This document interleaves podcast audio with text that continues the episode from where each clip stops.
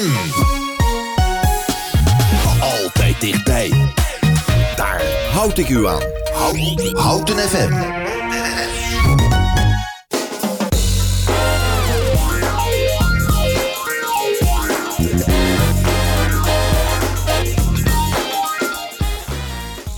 Hartelijk welkom luisteraars bij weer een nieuwe aflevering van Daar hou ik u aan, het politieke praatprogramma van Omroep Houten.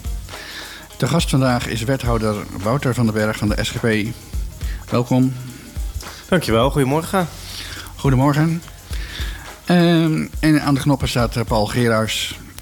Ook goedemorgen. Goedemorgen. Deze keer helaas geen buddy in de uitzending. Dus eh, ik ga de, de presentatie vandaag eh, alleen van voor mijn rekening nemen. Mijn naam is John van Amerongen. En we gaan nogmaals van harte welkom bij Daar hou ik u aan. We zitten live vanuit Schoon studio in het gebouw Schoneveld. Oké, eh, Wouter van den Berg. eh, goedemorgen nogmaals. Ehm u zit nu precies, nou precies, sinds juni vorig jaar bent u nu wethouder. Hoe bevalt dat? Ja, dat klopt. De, tijd vliegt. Eh, op mijn verjaardag vorig jaar, 28 juni, is het college geïnstalleerd. En eh, nou ja, over eh, iets meer dan een maand hoop ik alweer jarig te zijn. Dus dan, eh, dan weet ik dat we al bijna een jaar zitten. En ehm, ja, de start was natuurlijk net ook voor eigenlijk een vakantieperiode. Ja. En dat was tegelijk een hele drukke inwerkperiode. En na de zomer stonden er gelijk wat grote thema's op het menu. Dus dat was best een intensieve start. Waarbij je enerzijds moet wennen aan de nieuwe rol. En anderzijds volledig verantwoordelijk bent. En, er ook niet zoveel veel tijd is eigenlijk om rustig te wennen. Eh, maar dat geeft ook niet, dat, dat hoort bij de baan. Eh, en, en ik hou van uitdaging, dus wat dat betreft konden we onze tanden er goed in zetten gelijk. Ehm, maar nu, eh, ja, nu we bijna een jaar verder zijn, ja, mag ik toch wel zeggen dat het een hele bijzondere baan is waar ik ook heel dankbaar voor ben dat ik die mag doen. Dat de SGP deel mag nemen aan het college voor het eerst in de geschiedenis eigenlijk. Dus ja, daar probeer ik ook eh, met alles wat ik in me heb het beste van te maken. En die grote dossiers waren Windpark, Molen, Windpark Gooienbrug. En de verdere voortgang naar het, eh, ja, als het gaat om het, eh, om het bouw, bouwdossier, zeg maar.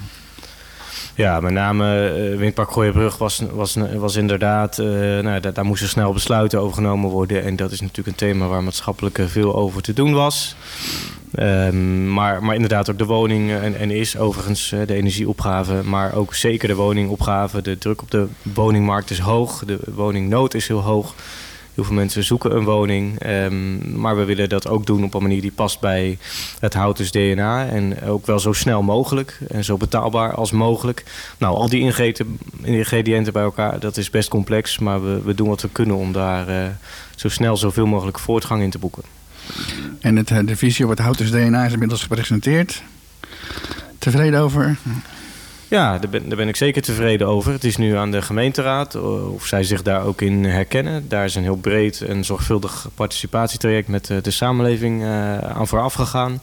Dus mensen zijn op straat geïnterviewd, konden online hun mening geven. Er zijn verdiepende gesprekken gevoerd, ook nog met jongeren in het bijzonder. Dus er ontstaat eigenlijk een heel mooi palet uit. met een soort tien uitgangspunten, tien waarden waarvan we zeggen: ja, dit, dit, is, nu het, eh, dit is nu het DNA. Het groene, het open karakter, eh, nou, de bijzondere plek voor de fiets en de auto. eh, overwegend laagbouw, nou, ik, noem, ik noem maar wat elementen. En dit is denk ik heel mooi als we dat kunnen ja, vast, vaststellen naar de toekomst. Het, heeft, eh, het Houters DNA heeft handen en voeten gekregen, zeg maar. Het is pra- praktisch toepasbaar met die tien, met die opzomming van tien waarden, zeg maar. Ja, die, die waarden zijn eigenlijk echt op waardeniveau. Dat je kunt zeggen van, nou past het hier nu bij of niet? En er zit een soort bijlage bij met, met, met een doorvertaling eigenlijk. Dat je kan zeggen van, nou zo zou je het kunnen toepassen. Dat is niet helemaal in beton gegoten, want iedere situatie is natuurlijk weer anders. Er blijft ook wel maatwerk. En ja, DNA evolueert ook wel mee, zoals ze dat eh, mooi zeggen. Dat, dat ziet iedereen ook wel. Maar ehm, ja, het krijgt zo wel meer handen en voeten, ja. Oké, eh, dankjewel voor zover. We gaan even naar een stukje muziek luisteren en dan gaan we straks verder praten over Fort Honswijk.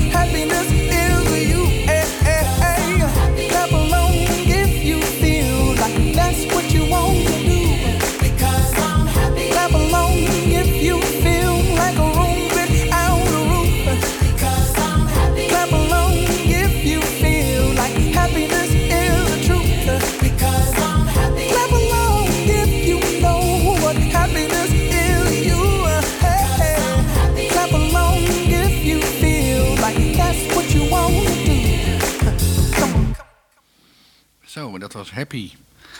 En we zijn happy in de studio hier eh, bij Omroep Houten. Eh, we praten met Wouter van den Berg, de wethouder van de SGP. Ehm Fort Honswijk is weer geopend. Ik kan me niet eens goed herinneren dat het dicht was, maar het was dus gesloten eigenlijk. Nou, voor 2016 kwam er helemaal niemand zomaar eh, in. Zo lang geleden is dat nog niet. En was het ook, zag het er heel anders uit dan nu. Eh, ondoordringbaar eh, op punten, sowieso qua toegang, maar ook qua groen. En het was, ja, het was echt een, groene vesting in die zin wel geworden. Maar toen heeft de gemeente het gekocht voor een euro. En toen zijn er eerst wat plannen gemaakt die niet helemaal op draagvlak konden rekenen in de samenleving, ook niet in de politiek, ook niet bij de SGP. Maar heeft het voor, de vorige colleges hebben daar toch een goede, een goede draai aan gegeven. En de fortwerkers opgericht. Eigenlijk een groep mensen, experts, lokale experts, die hebben meegedacht van wat past er nou. Ja, en dat heeft ertoe geleid dat het uiteindelijk eh, dan ook echt klaar is voor de toekomst. En in die zin ook geopend. Hè. Je kon er de afgelopen jaren wel omheen wandelen, maar soms zat het eh, hek ook wel eens dicht, bij wijze van. En ehm, ja, nu wordt het echt opengesteld. Er komt een ondernemer in en eh, ja, het fort wordt ontsloten. Komt er een ondernemer in of ondernemers? Er, komt een, groep van, groepje van drie ondernemers ehm, die, die daar eh, ja, met een duur woord eh, het fort gaat exploiteren. Dus gaat zorgen dat de inkomsten en uitgaven eh, zodanig zijn dat er ook wat overblijft onderaan de streep. Dat is natuurlijk het doel. En daar hebben overheden eerst heel veel ja, gemeenschapsgeld eigenlijk ingestopt. Hè, de gemeente, de provincie, de rijksoverheid. En uiteindelijk heeft de stichting, aan wie de gemeente het fort in erfpacht heeft gegeven, ehm, Stichting Fort Ronswijk, die heeft een ondernemer gezocht. En dat is een groepje van drie ondernemers geworden. Eh, je kunt eigenlijk zeggen, het is een jurist, een, eh, een architect en een creatief brein. Nou, een combinatie van die drie, eh, ja, hoe zal ik het zeggen, vaardigheden, eh, waarden. Nou ja, die, die zorgen ervoor dat, dat er een mooi plan is gekomen. En ja, we zijn als gemeente heel benieuwd en verwachtingsvol eh, hoe zij dat plan gaan, gaan waarmaken. En die hebben daar kantoorruimte gekregen. Of hoe moet ik me dat voorstellen als die, ondernemers? Die hebben daar ruimte gekregen om hun bedrijf eh, uit te oefenen. Nou ja, ze, ze hebben eigenlijk een heel eh, plan geschreven. En dat is door, eh, door eh, de selectiecommissie, om zo maar te zeggen, gegaan. En wat, wat belangrijk is, is dat het echt helemaal voor 100% past in, in het, wat wij noemen het ontwikkelkader. Dat is door de gemeenteraad vastgesteld. En er staat echt in van, nou, dit eh, mag er ongeveer wel in het fort. Dit mag er niet. Eh, Zoveel bezoekers per dag, eh, zoveel geluid, eh, zoveel evenementen. Daar alles moet er binnen passen. En dan moeten die ondernemers zich ook aan houden. Uh, maar ze hebben een concept gemaakt wat zij hebben genoemd. En ik weet niet of het een werktitel is of al echt de formele lange termijn titel. Maar wat ze noemen Nachtfort. Nou, zou je nog kunnen denken, wordt het dan alleen s'nachts uh, geopend? nou, dat niet, maar het geeft wel iets aan van een bepaalde rust. Uh, genieten van de omgeving, tot rust komen, stilte ervaren. En dan uh, moet u denken aan bijvoorbeeld echt wat ze noemen verblijfsrecreatie. Dus dat je wellicht een aantal nachten kunt overnachten op Fort Honswijk in de toekomst. Dat je er lekker een hapje kunt eten. Of als je fietst een bakje koffie kunt halen. Um, een tentoonstelling kunt bezoeken vanuit Fort Honswijk. De omgeving gaan verkennen. Uh, passende evenementen die echt bij het terrein passen. Uh, maar denk ook um, nou ja, aan, aan, uh, aan elkaar ontmoeten in een hele bijzondere omgeving. Het is toch een iconische plek. Maar er komen ook kleine bedrijfjes in. Die zitten er nu al. Maar dat zal misschien nog iets uitgebreid worden. En zo ontstaat er eigenlijk een, een soort samenspel van activiteiten. van bezoekers, van bedrijfjes. Ja, wat ervoor zorgt dat het voort ook open kan blijven naar de toekomst. Want dat is het hele doel. Want als je er eerst heel veel uh, ja, geld instopt met z'n allen... en dan alleen maar verlies op zou laten draaien... Ja, dan gaat er iets mis en dan was het ook zonde van het geld. Dus uh, moet ook wel slagen. Zitten er nou, zitten er nou drie bedrijfjes in of, of meerdere bedrijfjes? Nee, er, er zitten nu wel uh, vijf bedrijven in op het moment, maar dat zijn, dat zijn huurders. Oké, okay, zijn weer huurders. Ja. Dus, er zijn drie, uh, drie bedrijven die, uh, die beheren het fort. Met z'n drieën met één gezamenlijk plan. Ja, precies. En er zijn nog andere bedrijven die daar ruimte huren, zeg maar. Ja, er zijn drie ondernemers en die zijn verantwoordelijk voor dat er genoeg geld in en uit gaat. En dat doen zij onder meer door, uh, nou, het is door die, die ruimtes daar bijvoorbeeld te verhuren aan kleine bedrijfjes. En dat gebeurde de afgelopen jaren ook al door de stichting. Dat wordt eigenlijk voortgezet naar de toekomst. Maar dan zal je wel zien dat. Um, uh, nou ja, die, die, die huur, dat is ook een belangrijk stukje van de inkomstenstroom, om maar zo te zeggen. Maar dat zijn echt huurders en de ondernemers, die zijn verantwoordelijk voor het plan. En een huurder, ja, die kan er ook weer uitgezet worden, bij wijze van spreken. Ja, oké, ja. Ik heb begrepen dat er een bierbrouwerij gevestigd is. Klopt dat? Nu in Fort Honswijk? Ja, of, uh, niet dat ik weet. Okay. Maar ik weet ook niet alles. Hè? Dus, uh, de, en dat is maar goed ook. maar er zijn wel forten die echt bekend staan om hun bierbrouwerij. Maar, uh, even, even onbekend of dat hier ook zo is. Misschien is er wel een bedrijfje wat spullen levert of er iets mee te maken heeft. Maar hou me even ten goede. Oké, okay, dan moeten we dat uh, eentje voor het opzoeken. het fort is is uitgebreid uh, gerestaureerd of uitgebreid? Ja, jij denkt het wel. Misschien is uitgebreid wel het goede woord. nou, dat kunt u wel zeggen. Ja, er is uh, echt een heel knap staaltje werk geleverd door uh, ja, aannemersbedrijf Van der Ven. Die zijn eigenlijk gespecialiseerd in het restaureren en opknappen van erfgoed. En ja, als je ziet hoe ze dat gedaan hebben, dat, ik vind het echt fantastisch. Um, als je heel snel kijkt, dan denk je misschien heel even van uh, wat is er nou gebeurd. Maar dat vind ik juist de kracht ervan. Als je beter gaat kijken, dan zie je dat het allemaal heel netjes is gemaakt. Dat ze uh, oude steentjes hebben teruggezocht. Dat ze de, soms een laag weg hebben gehaald van, van, de, van de buitenkant van de muur, waardoor de oorspronkelijke muur weer zichtbaar werd. Uh, met heel veel kennis voor geschiedenis en erfgoed en respect ook voor het gebouw en de functie ervan en eh, de, de, vleermuizen die erin zitten en wat echt oud is en wat minder oud is.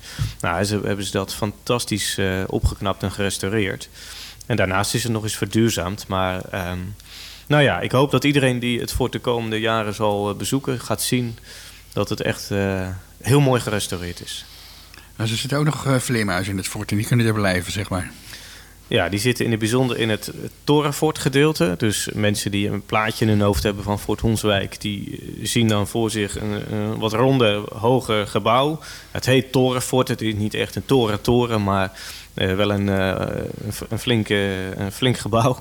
En daar zitten heel veel vleermuizen in, ook heel veel soorten.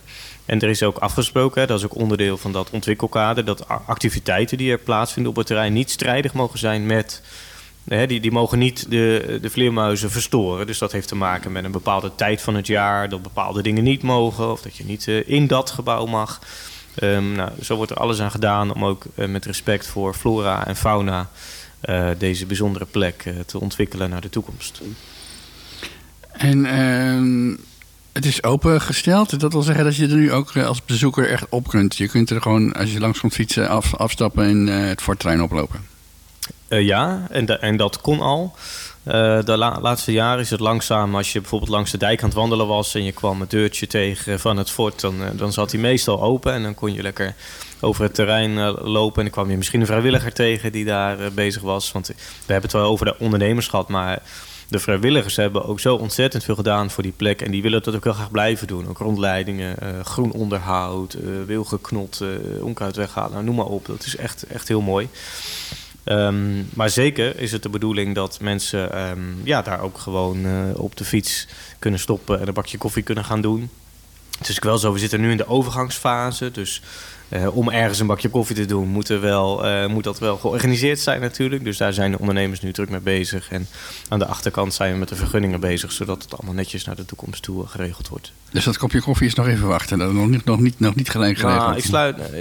er is het gebouw waar je nu meestal bijeenkomsten zijn, als je er bent, en daar staat, daar staat wel degelijk een, een koffiezetautomaat. Dus ik sluit niet uit dat het gewoon al te verkrijgen Dat is. het gewoon te verkrijgen is, oké. Ehm, je had het al even over het ehm, bestuur. Dat is een stichting. En die heeft natuurlijk een bestuur. En die moeten dan ehm, de verdere exploitatie van het fort eh, in de gaten houden. Want die zijn eigenlijk degene die... Die zijn eigenlijk formeel de verhuurders dan. Ja, zo zit het. Dus de gemeente is ergens op papier eh, nog wel eigenaar, maar wij hebben het fort in erfpacht gegeven aan de stichting. Daarmee zijn die verantwoordelijk voor eh, dat het op een gezonde manier geëxploiteerd wordt. En zij hebben, om dat doel te bereiken, hebben zij een ondernemer gezocht, of een groep ondernemers in dit geval. Dus ze hebben een, een soort marktvraagprocedure zijn ze gestart, een soort tenderprocedure. Maar ja, dat, dat klopt. Eh, De stichting is daar, eh, hè, dat hoort bij die, die erfpachtfunctie die ze op zich hebben genomen. En zij zullen dat ook monitoren, in de gaten houden, de gesprekken voeren met de ondernemers. Dus dat doen wij als gemeente niet allemaal meer zelf. Daar zit nu een partij tussen die daar, eh, ja, dat hoort tot hun taakomschrijving om maar zo te zeggen. En niet meer tot die van de gemeente. Dus ja, ook daar zijn we heel blij mee dat die mensen dat willen doen. Daar zitten ook mensen in met heel veel verstand van erfgoed bijvoorbeeld. Eh, dus we zijn ook blij dat die, die dat willen doen eh, voor dit doel. Oké. Ehm, zijn de... Ja, hoeveel- hoe- het heeft een aantal jaren geduurd, die restauratie en zo, zeg maar. Hoeveel heeft het uiteindelijk gekost? Weet je dat zo ongeveer? Ja, er, er is, eh, dacht ik, wel iets meer dan 4 miljoen ingegaan. 4,5 miljoen, waarvan eh, ongeveer 20% door de gemeente Houten. Dus daar blijkt ook uit dat nou, wij voor eh, een vijfde, vier vijfde naar, naar Houten toe hebben gekregen van andere overheden. Dan moeten we vooral denken aan de provincie. Maar ook de Rijksdienst voor Cultureel Erfgoed. Zeg maar, dat was een dienst van de Rijksoverheid. En daar, daar blijkt ook wel uit dat Fort Honswijk is niet alleen voor houten van belang. Hè. Zeker juist ook eh, voor houten. Maar dat heeft nog een, een, strekking en een waarde tot ver daarbuiten. Ehm, en dat toont ook wel aan hoe bijzonder de plek is. Eh, bij de opening laatst waren ook veel mensen van, eh, nou ja, van dat soort instanties, om maar zo te zeggen, die allemaal ook met heel veel betrokkenheid dit proces hebben gedaan. En wat mij er heel erg in drijft, ook als wethouder en lokalo, om zo maar te zeggen, is dat we de, de, ja, met elkaar de geschiedenis levend moeten zien te houden. Dat je wat er vroeger geweest is, nog eigenlijk betekenis kunt geven voor vandaag de dag.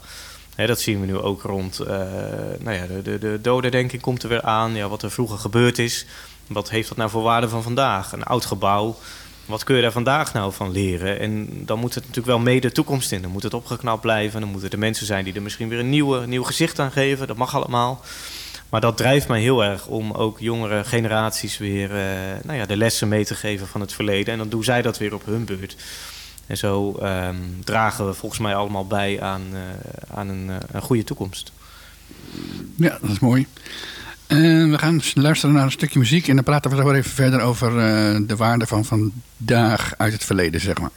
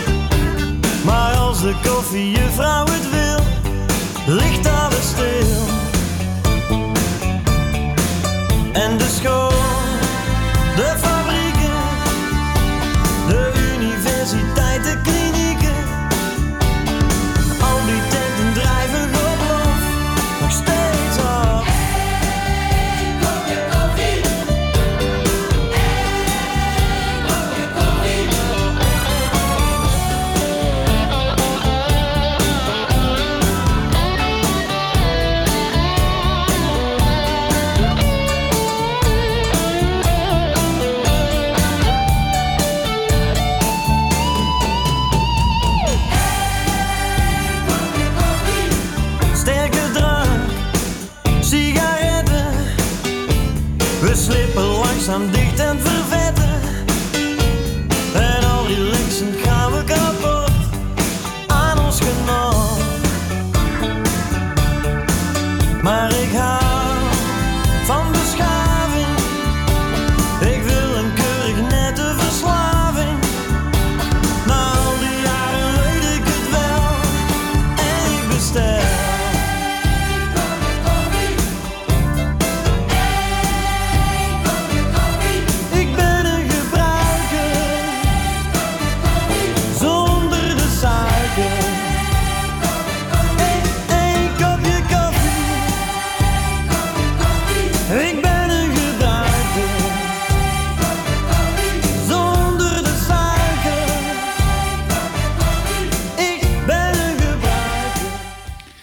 En dat was één kopje koffie van veel kunst. En we hebben hier ook lekker een kopje koffie. En we hadden net over het kopje koffie drinken op Fort Honswijk. Dus een toepasselijke eh, plaatkeuze van, eh, van Paul. Dankjewel, Paul. We gaan eh, verder met, eh, met de waarde van vandaag voor dingen uit het verleden. En in dat kader past een vraag over hoe staat het met het Houtens Muse- Houtens Museum. Want er zijn serieus stappen gezet. Er is een document eh, opgeleverd met nou ja, bouwstenen voor een mogelijk Houtens Museum. Dat klinkt allemaal heel gewichtig. En, en dan, denk, denk, denk ik dat het Houtens Museum gaat er misschien toch wel komen. Hoe moet ik me dat eh, voorstellen? Hoe, hoe staat het daarmee? Ja, eh, ja, inderdaad. We willen graag de, de betekenis van houten uit het verleden, maar ook van vandaag en, en ook wel van de toekomst wat meer vastleggen. Of laat ik het zeggen, wat meer tastbaar maken. Of in een vorm gieten waar mensen naartoe kunnen, dat kunnen beleven of ervaren. En ehm, daarvoor, daarom strijd ik zelf even met de SGP al heel lang voor een houtsmuseum. Maar er zijn ook andere partijen in de gemeenteraad die zich daarvoor hebben ingezet. Ehm, en ja, nu ben ik wethouder erfgoed, cultureel erfgoed. Dus ja, vanzelfsprekend hebben wij dit ook weer eh, voorgedragen voor het coalitieakkoord en het collegeprogramma. En daar is onder meer uitgekomen dat er ehm, gestart gaat worden voor een bepaald bedrag aan een, een degelijk onderzoek om te kijken wat is er nou voor nodig om tot een houtensmuseum te komen. Want je kunt ook nog hebben over wat is dat dan precies. Nou, daar ehm, zijn we aan de gemeentezijde mee bezig. Er is nu net een, nieuwe eh, collega geworven die zich bezig gaat houden met erfgoed. Die krijgt als taak om de, ehm, de doelstellingen van de mooie erfgoedvisie die recent eh, unaniem is vastgesteld uit te voeren. En onderdeel daarvan is dus ook zo'n bureau aan te zoeken en eh echt stappen te gaan zetten rond een Houtersmuseum. Maar dat zit dus in eerste instantie vanuit de gemeentekant echt nog wel op het oriënteren. Want ja, je kan wel snel, het is snel gezegd, een Houtersmuseum, maar daar komt natuurlijk nog heel veel bij kijken. En dat weet iedereen ook wel. Want ja, van een paar mensen die alleen een bakje koffie doen aan het einde van een eh, rondleiding in een gebouw, daar kan een museum niet van draaien. Ehm, maar toen werd ik, ehm, ja, wanneer was het? Eh, ergens eind vorig jaar eh, positief verrast door de Houtense Cultuurtafel. Daar zitten ehm, ja, een aantal partijen en mensen in die zich verbonden voelen rond het thema Houtense cultuur in al zijn breedte. En die hebben op ehm 8 maart, afgelopen 8 maart, een, ehm, ja, eigenlijk een avond gehouden, een cultuurtafel, cultuurfeest, over, getiteld Verborgen Schatten. En dat ging dan over een Houtens museum. En daar was ik ook uitgenodigd als wethouder. Nou, dat was natuurlijk fantastisch, want dat was van onderop de samenleving eigenlijk ontstaan. En die hebben een mooi document meege- opgeleverd, eigenlijk die avond. En ik, eh, ik heb dat ook meegenomen. En daar, dat zit vol met inspiratie voor het denken over een Houtens museum. Dus zowel van de kant van de samenleving als van de, de gemeente en de formele kant gaat het nu meer eh, bij elkaar komen. Maar het zal niet van vandaag op morgen zijn dat we ergens ineens bijvoorbeeld een gebouw hebben waar dan op staat Houters Museum. Zo snel zal het niet gaan. En ook over de vorm. eh, nou ja, daar, daar zitten we midden in, dat proces. Wat zou dat dan allemaal kunnen zijn? Dat is een heel mooi proces. Heel mooi proces. Dus is dat eh, een kwestie van denken en doen, of aanvoelen, of eh, overleggen, plegen, of eh, hoe, hoe gaat dat? Nou, wat ik vooral belangrijk vind, het zal niet zo zijn dat de, de gemeente Houten, dat we als overheid gaan zeggen: hier is een, structurele pot geld die heel vol zit en voor heel veel jaar. En daar gaan we een museum mee in stand houden. Zo zal het niet gaan. Daarvoor zijn de uitdagingen op andere gebieden eigenlijk ook te groot. Er, er zijn heel veel opgaves op allerlei gebieden: woningbouw, duurzaamheid. Dus we moeten ehm, nou ja, zuinig omgaan eh, met het geld. Dus er zal een initiatief moeten ontstaan, eh, gevoed door overheid, maar ook door de samenleving, wat zichzelf wel kan bedruipen. In die zin lijkt het een beetje op ons vorige gesprek over Fort Ronswijk. Ehm, en, en wat dat dan precies is en door, door wie die kar dan getrokken wordt... en of dat een professioneel bureau is of een groep mensen uit Houten of daarbuiten... Ja, dat staat allemaal nog open en dat willen we ook met, met onderzoek eigenlijk ondersteunen... van wat is er nou nodig om iets te maken wat we een Houtens Museum kunnen noemen. En op het cultuur, cultuurfeest hebben geleerd dat dat kan een gebouw zijn... Maar dat kan ook iets in de buitenruimte zijn, of iets digitaals, of een combinatie, of iets tijdelijks, of iets permanents. Het kan eigenlijk heel veel zijn. Het is maar net wat we met elkaar gaan maken eigenlijk. Ik denk dat ik een beetje ouderwets ben, want ik denk vooral aan een gebouw. maar Ja, dat, dat, Kijk, allemaal heel als u mijn persoonlijke eh, gevoel vraagt, dan zit ik er net zo in. Daar denk ik ook aan. En ik ben van de week nog eh, naar het Militair eh, Historisch Museum geweest in Soesterberg. Ja, Eh, met vooral een hele goede speeltuin ook overigens. oké. ja. Dat, wa- dat was voor mijn zoontje wel prettig en de andere kinderen die mee waren.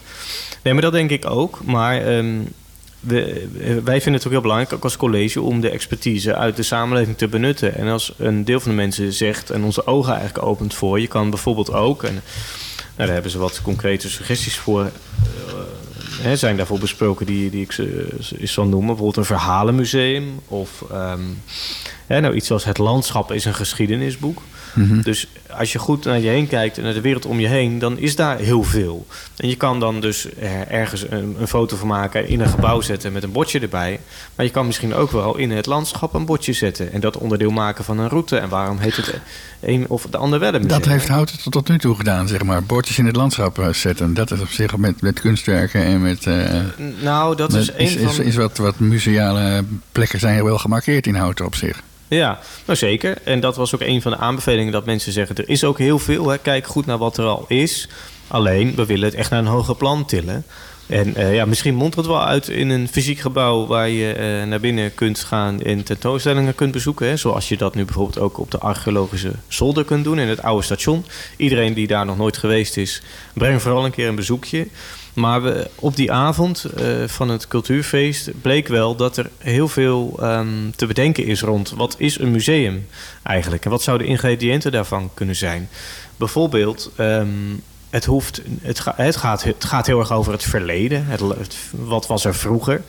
Maar wij zijn met elkaar maken wij natuurlijk nu ook de Houtense geschiedenis. Omroep Houten, daar hou ik aan, is ook onderdeel van de geschiedenis. Waarom is dat ontstaan? Wat is eigenlijk het doel ervan? Wat willen we daarover vertellen aan mensen die misschien een keer een dagje naar Houten komen? Hé, er is een lokale omroep. Wie zijn die, die gezichten eigenlijk van die omroep? Zouden die misschien een plekje in een museum krijgen? En in wat voor vorm dan?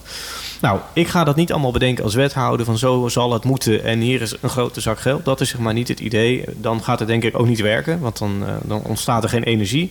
Er is juist zoveel energie in de samenleving, maar het moet wel vorm en krijgen en concreet worden. En daar ga ik juist op sturen. Ehm, en dat is ook wel een open en creatief proces, eh, moet ik zeggen. Maar als we maar tot iets komen wat we met heel veel trots en enthousiasme kunnen gaan noemen, het Houters Museum. Ja, dus eigenlijk op zoek naar een initiatiefnemer of initiatiefnemers. En een, misschien een stichting, een bestuur en dat soort dingen. Net als bij Fort Ronswijk. Kan, kan heel goed. Er zijn best mooie voorbeelden. In Leidse Rijn bijvoorbeeld. Dat is ook zo'n gebied met een hele oude... Want er is in Hout een hele, een hele mooie historie. Heel veel uit de Romeinse tijd. En als je dat, dat landschap, het kijken naar het landschap... daar heb ik ook veel over geleerd de afgelopen jaren. Ja, je denkt natuurlijk, nou dit is Houten. Dat ligt naast de A27 en onder de A12. Eh, dat is, die, die snelwegen zijn van veel later. Maar vroeger liep er natuurlijk een rivier en was een moerasland en ontstonden de stroombruggen. En dat was hoger gelegen. En daarom gingen mensen hier bouwen en wonen. En, en dat is uitgegroeid. Dus ehm, als, je weet, ja, als je weet waar je vandaan komt, dan, dan heb je ook veel meer begrip voor waar je nu bent en waar je ook eventueel naartoe zou willen. Dus wat dat betreft ehm, vind ik het ook echt wel belangrijk om, om het verhaal van Houten heel goed te, te leren begrijpen. Want ja, dat is ook zoiets, dat, dat heeft dan niks met een museum te maken. Maar er zijn zoveel dingen die we gewoon als vanzelfsprekend zijn gaan aannemen in de moderne tijd. En waar komt ons eten vandaan? Ja, uit de supermarkt. Ja, daar is natuurlijk veel meer over te vertellen. Als je het zicht daarop kwijtraakt, dan, dan heb je er niks meer mee en denk je het zal wel. Maar zo werkt het niet. We moeten snappen uh, waar we vandaan komen, waar we voor leven. Ik denk dat je er ook iets van leert over het leven. Wat is belangrijk, wat is niet belangrijk. En ik hoop dat, uh, dat het museum daar een hele mooie bijdrage aan kan leven en leveren. En daar gaan zeker houtenaren deel van uitmaken. Houtense verhalen, het Houtense landschap, de Houtense geschiedenis... de bijzondere gebouwen, de mooie plekken... Uh, de bijzondere gebeurtenissen uit ons verleden. Uh, nou, mensen die bijvoorbeeld een bezoek van was het koningin Beatrix nog meegemaakt hebben. Dat was ook een van de workshops die avond. Dat een verhaal daarover ja, dat is prachtig om te horen wat, uh, wat daar toen uh, wat, ja, de belevenissen zijn geweest. En dat mag allemaal in ons uh, collectieve geschiedenisboek van Houten. Het collectieve geschiedenisboek van Houten, ja. En dat in de vorm van een, misschien een museum en een gebouw waar je naar binnen kunt om, om tentoonstelling te. Komt dan ook nou, zeker. Deze kant op, die bij Castellum uh, gevonden is. ja, nou ja, dat is natuurlijk ook een van mijn persoonlijke doelen, die, die kano. Want daar hoorde ik ook van. Er is dus een, bij, de, bij het bouwen in Castellum een hele mooie oude kano opgegraven. Nou, wat gebeurt er met zo'n uh, klomp aarde met hout erin? Want dat is het eigenlijk wat ze in een bak uit de grond uh, halen. Ja. Die wordt naar specialisten gebracht ergens. nou, dat bleek in Lelystad te zijn. Dus toen ik wethouder werd, heb ik aan de betreffende ambtenaar gevraagd: uh, laten we daar een bezoekje gaan brengen. Nou, zei dit is goed, dat ga ik regelen. En we zijn uh, daar naartoe gegaan. En ik heb in een grote hal waar, bij, bij Batavia uh, Werf. Um, daar lag ergens die kano met nog allemaal andere schepen en oude en bijzondere dingen. Dus dat was hartstikke leuk. Maar um, ja, ik, ga, ik probeer mijn uh, taken, mijn rol in te zetten om te zorgen dat, dat, dat die kano ook daadwerkelijk geconserveerd gaat worden. Want hij zit nu echt nog gewoon. Hij zit in nog de gewoon in, in, in, in de grond. Ja, dus gewoon een bak, een bak grond neergezet. Zo. Nou, daar zit een kano in. Ja. Ja, en de- die moet dus, dat, dat hout moet geïmpregneerd worden met speciaal spul, waardoor het hout niet zal, meer kwetsbaar wordt. Nee, en dan wordt het precies, echt ja. keihard. En dan gaat er nog een machine in die daar speciaal voor is en die draait maar één keer in de twee jaar. En dat duurt dan twee en dan gaat hij leeg en dan gaan er allemaal nieuwe spullen in. En hopelijk in de volgende ronde is ons toegezegd, gaat de kano erin met allemaal andere spullen. En dan komt hij uit de machine, dan gaan ze nog eh, verder restaureren, opbouwen. Nou, en hopelijk komt hij dan deze eh, collegeperiode nog eh, richting het Houtse Museum. Ja, dat is het doel. Deze collegeperiode nog. Zo, dat is ambitieus. Want dat betekent, dat betekent nog wat. Er moet nog een gebouw komen eventueel. Eh, in ieder geval iets om die kano in, de, in te plaatsen. En, een Anders zoeken we een tijdelijke plek. Het maakt niet zoveel uit hoe. Maar als het kan, eh, dan wil ik dat heel graag. Absoluut. Oké, Eh, dankjewel voor, eh, voor dit gesprek over de, het Houtense Museum. We gaan eh, luisteren naar een stukje muziek. Dan gaan we zo nog even verder praten.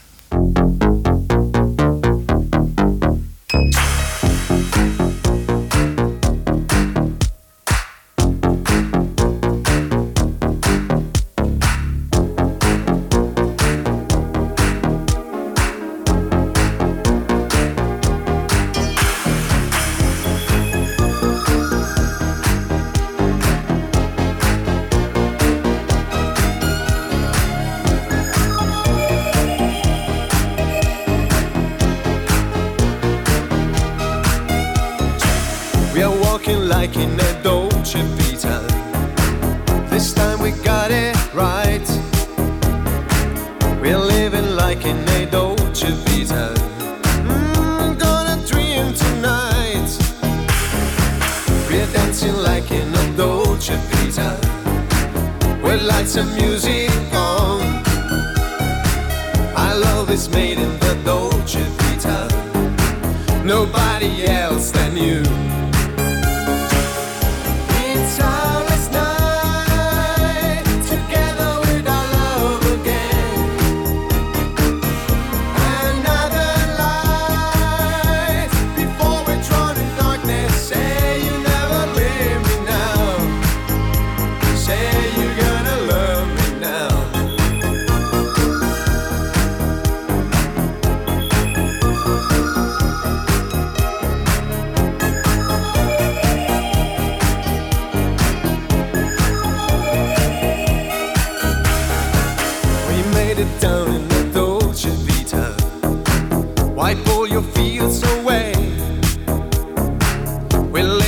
like in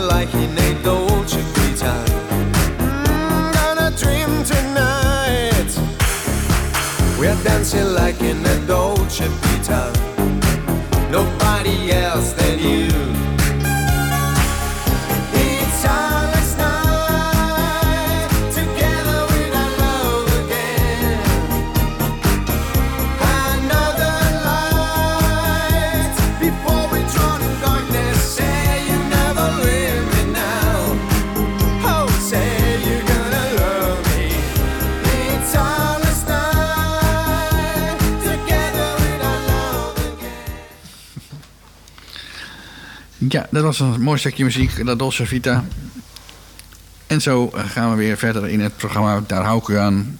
Met onze gast Wouter van den Berg, wethouder van de SGP. Ehm, even kijken, een, een nieuw onderwerp. Het buitengebied van Houten. Dat is een veelomvattend onderwerp. We gaan het over een aantal dingen hebben, denk ik dan maar, over het buitengebied. Ik wilde beginnen met de mobiliteit. En dan om te beginnen maar eens naar de fietspaden vragen. Want er zijn wat wen- wat wensen volgens mij nog steeds. Of er een doorgetrokken fietspad bij het gooi kan komen. Nou, zeker. Ja, eh, ja, ik vind dat er de afgelopen jaren wat te weinig aandacht voor het, ons mooie buitengebied eh, is geweest. Eh, nou ja, in de politiek, op het gemeentehuis. Ehm, hè, daar wonen natuurlijk ook minder mensen, maar die maken net zo goed onderdeel uit van onze mooie gemeente. En dat zien overigens eh, heel veel mensen ook weer wel hoor. En ook steeds meer zou ik zeggen. Dus het buitengebied is. eh, staat, staat terecht in de belangstelling. En hoe drukker het wordt in de regio, hoe meer we ook de waarde gaan zien van die landelijke omgeving waar we in leven. En het doel eh, van dit college is ook wel om het agrarisch karakter daarvan wel te behouden. Maar ja, er zijn tegelijkertijd heel veel ontwikkelingen gaande die op alle fronten. Ehm, nou ja, toch ook de bepaalde druk met zich meebrengen. Wat gaat er gebeuren met duurzaamheid, et cetera. Mobiliteit is ook een hele belangrijke. Als het drukker wordt, hoe gaan al die verkeersstromen dan eh, in het buitengebied? Of als we ergens gaan bouwen en er, wonen al, er komen allemaal mensen met weer een auto. En, en er zijn ook krappe wegen, hoe moet dat dan? Dus dat zijn dingen die wel heel actueel zijn. Maar als SGP hebben we ook altijd wel ehm, gezegd, en, en, en, en dat vinden we eh, als college ook, dat eh, ja, houten fietsstad, dat geldt natuurlijk binnen de rondweg, maar net zo goed buiten de rondweg. Daar heb je natuurlijk wel landbouwverkeer bijvoorbeeld, hè, dus dat is natuurlijk anders dan hier in de rondweg. Dus daar gaat nog wel eens een, eh, een randje van een weg door een zware vrachtwagen wordt dan kapot gereden. Nou, dat zal je binnen de rondweg niet zo goed, eh, zo snel zien op onze mooie, fantastische, strakke fietspaden. Ehm, maar er zijn wel bijvoorbeeld her en der nog ontbrekende fietspaden. Dus inderdaad tussen het Gooien en de Gooienbrug. Nou, dat zou bijvoorbeeld onderdeel kunnen zijn van een wat langere fi- doorfietsroute... Hè, van Utrecht naar Wijk bij Duurstede. Nou, dan kan je heel mooi via het Gooien bijvoorbeeld fietsen. Maar dan moet je natuurlijk wel veilig kunnen fietsen.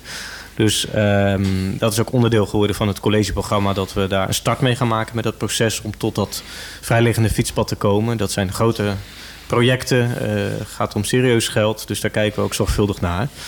Uh, maar zo zijn er uh, veel meer uitdagingen uh, in het buitengebied. En ik krijg ma- regelmatig mails van inwoners of dat die naar de gemeente worden gestuurd. Die vragen, van, nou bij mij in de straat is het onveilig. Of wanneer wordt dit opgeknapt? Of wanneer gaat er daar iets aan gebeuren? En daar nodig ik mensen ook zeker toe uit dat ze ervaren dat de gemeente dichtbij is. Dat de overheid een een, een lokaal gezicht heeft, die wat dichtbij voelt. Die, eh, nou ja, je kunt mensen aanschieten, je kunt mailen, je kunt bellen. Het mag allemaal. Dan, gaan, dan kijken we er ook serieus naar. Zelfs op social media, als je een tweet plaatst...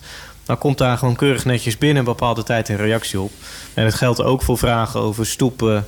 eh, fietspaden, eh, tegels en dergelijke. Dus daar zijn we hard mee bezig eh, op klein en groot niveau. Klein en groot niveau. Ehm, als je iets verder gaat bij de Gooienbrug, dan kom je bij de Leekdijk uit, zeg maar. En die wordt op dit moment, of, of binnenkort, aangepakt, verbreed en aangepast aan de eisen van, van, de, van deze tijd. En dan heb ik me laten vertellen dat, dat er dan ook... eh, er ontstaat discussie over hoe je in de toekomst op de Leekdijk eh, rijdt. En ja, hoe de mobiliteit eh, daar zal zijn. En dat biedt ook kansen voor fietsen. Of zie ik dat verkeerd? Of eh, is dat juist een probleem met- met de auto's? Hoe, hoe kijk je daar tegenaan? Ja, dat klopt. Op punten is het nu zo op een, eh, op een zaterdagmiddag als het heel zonnig is... en iedereen wil tegelijkertijd op de Lekdijk zijn... van motorrijders tot eh, wandelaars en, en fietsende kinderen... die naar de recreatieplassen gaan... dan is het gewoon eh, te druk en, en opletten geblazen. Ehm, dus het doel is ook dat de Lekdijk her en der wat verbreed wordt... en dat er een nieuw wegdek komt die het ook veiliger gaat maken... Ehm, maar het is wel zo dat eh, de aanleiding voor het project, wat, eh, wat heet Sterke Lekdijk, een mooie, korte, krachtige naam, maar die was dat er eigenlijk een soort waterveiligheidsopgave is over de Lekdijk in hele, eh, veel breder ook dan Houten. Ja, ja, ja. En dat loopt via het waterschap en eigenlijk de, de overheid. En er zat ook heel veel geld achter, omdat dan, eh, want we moeten veilige dijken hebben in Nederland. En ja, als je dan aan de dijk gaat werken en de weg gaat kapot horen, dan hoort het aan degene die de dijk eh, herstelt. Die, die moet dan ook zorgen dat er een nieuwe, hè, dat er een mooie nieuwe weg opkomt. Maar nu is eigenlijk gebleken door de loop der jaren dat die veiligheidsopgave, die is niet over het hele stuk van de Lekdijk meer. Toen ze startten bij het project wel. Maar nu is eigenlijk gebleken, toen ze beter zijn gaan kijken... van nou, sommige delen, daar dachten we van... die moeten we helemaal aanpakken, maar dat is eigenlijk niet nodig. Dus nu is vooral de vraag... ehm, ja, we willen wel graag die weg ook aanpakken om veiliger te maken. Maar ja, als er daaronder niet die hele dijk aangepakt wordt... Dan, eh, dan zit het ook financieel wat anders. Dan is er ook minder makkelijk geld voor. Dus het is wel even... We zijn nu opnieuw aan het kijken naar welke weginrichting zou er dan kunnen komen. Wat kost dat? Met welke gemeentes samen? Eh, je wil dat er eh, toch, als het lukt, wat uniformiteit is tussen gemeenten. Ook hoe de Lekdijk eruit ziet. En we hopen dat het dan zeker veiliger wordt voor fietsers en wandelaars. Fietsersbonden bemoeien zich daar ook heel erg mee. Er zijn ook wat proefvakken door het project aangelegd richting eh, Amerongen. Daar kon je ook wat ervaringen opdoen hoe een mogelijke weginrichting eruit zou kunnen zien. Nou, uit de enquête die daarover gedaan is, bleek dat heel veel mensen gevoelsmatig dat niet zo veiliger vonden. Er was ook bijvoorbeeld geen rood asfalt meer op dat wegdek. En de fietser in Houten die denkt... een fietspad is voor mij, voelt voor mij veilig als ik over dat vertrouwde rode asfalt fiets. asfalt. Ja, ja. Maar ja, dan zeggen de geleerden weer van ja, de dijk is wel heel lang stuk om helemaal rood asfalt te doen, et cetera. Dus daar ontstaan allerlei nieuwe discussies. Maar eh, ik heb wel eh, ook zelf ingebracht in de overleggen met de, met de regiobesturen en de provincie dat we als, we, als we mensen om hun mening vragen via een enquête of anderszins, dan moeten we er ook iets mee doen. Nou, nu is gebleken dat eigenlijk de aanvankelijk bedachte weginrichting zonder rood asfalt. Nou, daar is nog niet iedereen enthousiast over, zal ik maar even eh, voorzichtig zeggen. Kortom, daar is best wat kritiek over. Ook als je dat volgt in de media en de berichten erover en de fietsersbonden daarover hoort. Dus ik vind dat we dat serieus moeten nemen en toch moeten kijken van kunnen we toch nog een, eh, wellicht tot een betere inrichting komen. Die ook echt dat veiligheidsgevoel bij mensen geeft. En zou eh, de Lekdijk als fietsstraat, zou dat een optie zijn? Of is dat eh, te rigoureus vergeleken met de buurgemeentes? Nou ja, een fietsstraat, daar zijn ook allerlei definities.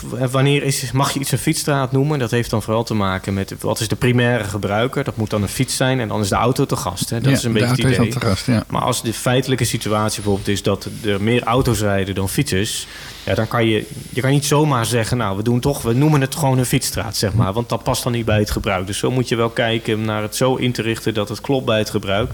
Maar een fietsstraatachtig gevoel, dat zou je als fietser op de, op de Lekdijk wel willen hebben.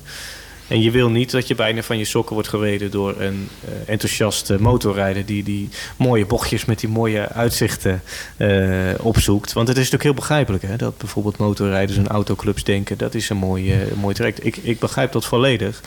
Maar als je daar ook veilig moet kunnen fietsen met jonge kinderen, ja, het kan niet allemaal of niet allemaal op hetzelfde moment. Dus daar kijken we ook naar. Misschien kunnen we tijdelijk, eh, tijdelijk afsluiten voor bepaalde verkeersstromen. Hè? Dus dat je kijkt echt eh, maatwerk. En, en zo willen we het zo veilig mogelijk maken.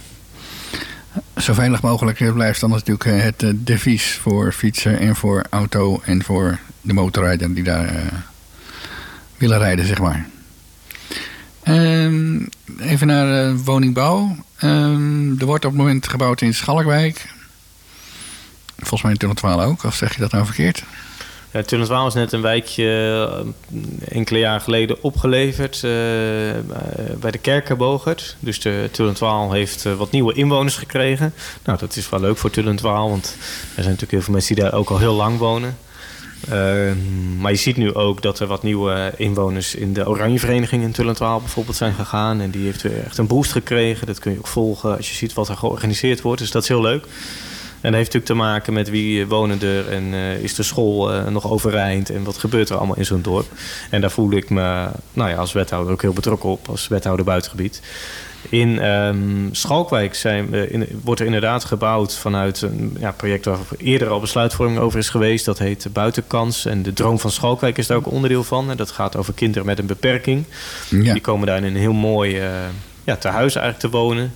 En daaromheen zijn ook andere woningen. Omdat hele, dit zijn onderdeel van het hele project. En iedereen die nu inderdaad door Schalkwijk heen rijdt en dan uh, linksaf gaat aan het eind bij de Lange Uitweg. Op die hoek, daar zie je nu dat er gebouwd wordt. En dat is dit project. Ja. En eigenlijk aan de andere kant van de weg zou um, ja, wat is gaan heten de grote driehoek. Uh, moeten gaan verrijzen. Um, dat zie je vooral als je op een kaartje kijkt. En dan, dan kun je de driehoek wel ontdekken. Ja. Maar we hebben op een van de avonden ook wel tegen mensen gezegd... weet u nog een betere naam of een mooiere naam. Dus dat, dat staat nog open. Maar daar zijn we nog mee bezig om dat hele project en proces aan de achterkant in goede banen te leiden. En aan de kant van de, van de uh, hoe zeg je dat nou, de Groets en de Wies en zo, die hoek wordt daar ook nog weer gebouwd? Want dat was, ja, dat is die grote driehoek, ja. Want ik vergat nog even de Wikkergaard, waar de, waar de perenboomgaard uh, vroeger stond, die tot veel ja, uh, discussie gebouwd, heeft ja. geleid. Um, daar gaat ook gebouwd worden. Dat gaat nu ook beginnen. Dat is, die grond is voorbelast en er zijn veel bomen weggehaald. En nou, er hebben natuurlijk veel mensen gestreden om het groen daar te behouden. En dat, daar heb ik me destijds ook nog voor ingezet. Nou, dat is dan niet gelukt. En de woningen komen er. En we gaan er dan nu uh, met z'n allen voor zorgen dat het zo mooi en zo goed mogelijk daar komt. En uh, nou ja, er zijn ook zeker weer veel schalkwijkers die blij zijn dat ze daar en op andere plekken een woning uh, gaan vinden of hebben gevonden. Want dat is het doel natuurlijk. We willen graag dat mensen die bijvoorbeeld graag in het buitengebied opgroeien en daar willen blijven wonen, dat dat ook kan. Jongeren, gezinnen, maar ook ouderen. Is, hè, er zijn ook niet overal goede doorstroomwoningen voor ouderen. Dat speelt in het klein in het buitengebied, maar dat speelt in het groot uh, in, in heel houten natuurlijk. En uh, dat houdt ons allemaal uh, flink van de straat. En dat is maar goed ook. dat is echt een uitdaging om nou, iedere dag mee bezig te zijn. En die woningbouw die nu plaatsvindt in, in de kleine kernen, zeg maar in Schalkwijk en wat er dan in Tunneltraal gebouwd is. Zijn dat starterswoningen? Zijn dat eensgezinswoningen? Wat, wat, hoe, hoe verhoudt, zich dat tot, tot wat nu gezocht wordt in de woningmarkt? Nou, wat je nog wel eens ziet, en dat zie je bijvoorbeeld in Den Oord ook in Houten zelf, dat er zijn ook wel woningen opgeleverd op het, op het hoogtepunt van de markt. Of ja, je kan ook zeggen dieptepunt. Maar voor prijzen waarvan wij nu alweer zeggen, ja, hoe, hoe, bedenk je het? Maar dat is dan volgens die voorwaarden toen opgeleverd. Ja, en de, de, de of de, de, makelaar die erachter zit, die heeft daar bepaalde prijzen kennelijk bij in gedachten. Dus je ziet die, die prijzen in de woningmarkt, die variëren nogal. En het maakt nogal uit op welk moment het wordt opgeleverd. Maar die, die projecten die u noemt, um, ja, we zijn als gemeente gehouden aan onze, het bouwen uh, volgens de woonvisie. Um, en, en dat betekent ook dat er uh, nou ja, voor, voor iedereen eigenlijk wel een woning tussen zou moeten kunnen zitten. Dus het zal nooit 100% goedkope woningen worden of 100% villa's, maar dat wordt een soort mix. En daar kijken we, dat is bij dat project aan de buitenkant bijvoorbeeld zeker ook. Er komen best wat Schalkwijkse jongeren in. Nou, dat is hartstikke mooi. Geldt ook voor de Wikkengaard. Er zijn ook jongeren uit Schalkwijk die daar een woning hebben gevonden. Dus daar zijn we ook heel blij mee. En dat uh, moeten we ook vasthouden. Er moet eigenlijk voor iedereen wat zijn. Dat is steeds het patroon en niet voor één doelgroep. Ook voor de ouderen, zeg maar. Ja, voor jong tot oud. Het klinkt heel simpel, maar zo is het ook. Ja. klinkt heel simpel, maar in de huidige woningmarkt en met alle ja, dingen die daar spelen, valt dat helemaal niet mee, denk ik. Dat is heel ingewikkeld, hè? Zo'n woord als betaalbare woningbouw. Ja, wat is betaalbaar? En dat is niet iets wat, uh, wat wij bedenken, wat we leuk vinden, wat betaalbaar is.